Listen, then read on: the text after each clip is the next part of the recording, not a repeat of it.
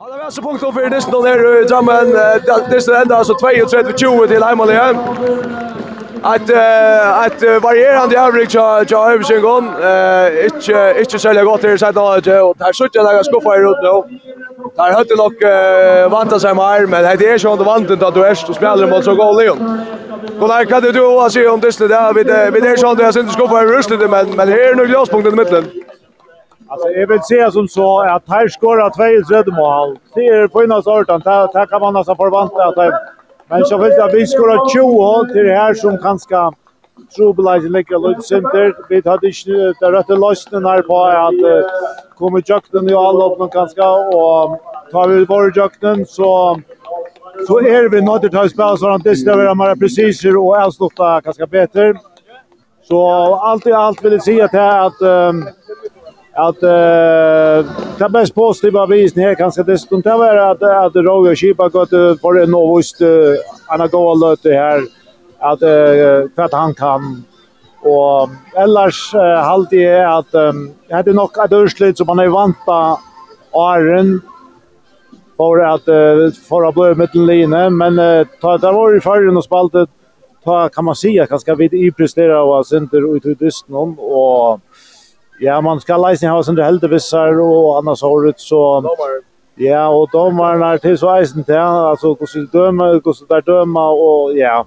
Men eh, jag vill säga att allt i allt et uh, okej okay utslut, men eh, hade vi det som nej var i kanske allos parten så så hejda seg så det friare ut, men tølmål, här kommer vi gott leva vi, Det det allt absolutt.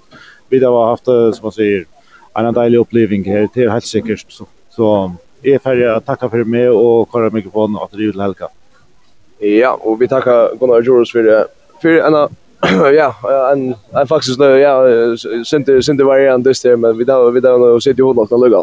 Eh Peter Krog tog kom tog kom ner. Vad är det första tanken alltså han nu nu är hej hej då har löt till till satta det lugga som med distrin ja, vi hade så touchbult var gång Vad kvad också nu. Eh jamen det var en hård kamp, alltså vi kommer, vi kommer skævt i gang fra starten af, og det, vi kommer til at hænge efter, og får ikke taklet, og ja, så får vi heller ikke målene, målmændene med.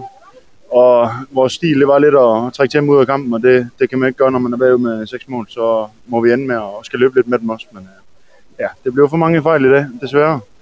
Øh, ja, nu sidder man lidt med tanken om, at øh, altså, vi kunne godt have gjort det bedre, men øh, det har været en fed oplevelse, og vi har gjort det godt.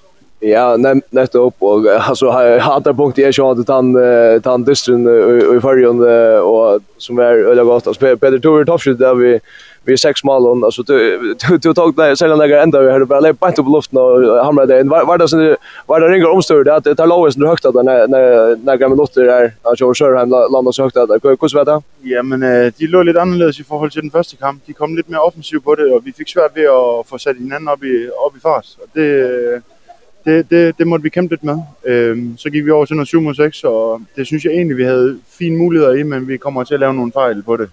Og bliver nødt til at gå lidt væk fra det igen. Og nu her det sidst, så ser man lidt muligheder, de måske slapper lidt mere af, og der er lidt større muligheder for at bare køre på og, og skyde på mål. Det jag vill tacka dig för att du du gjorde gjorde det så spännande jag kommer Drammen till att alltså det var ju var ju helt avgörande för att vi att vi ja, det är så spännande. Vi har alla förrän helt helt intill inte sett hålla grejer där. Eh, Peter, det har vi slått lite så det det är spännande så det ska spela över på vattnet där. Jag vet men det går det går så att prova igen i alla fall.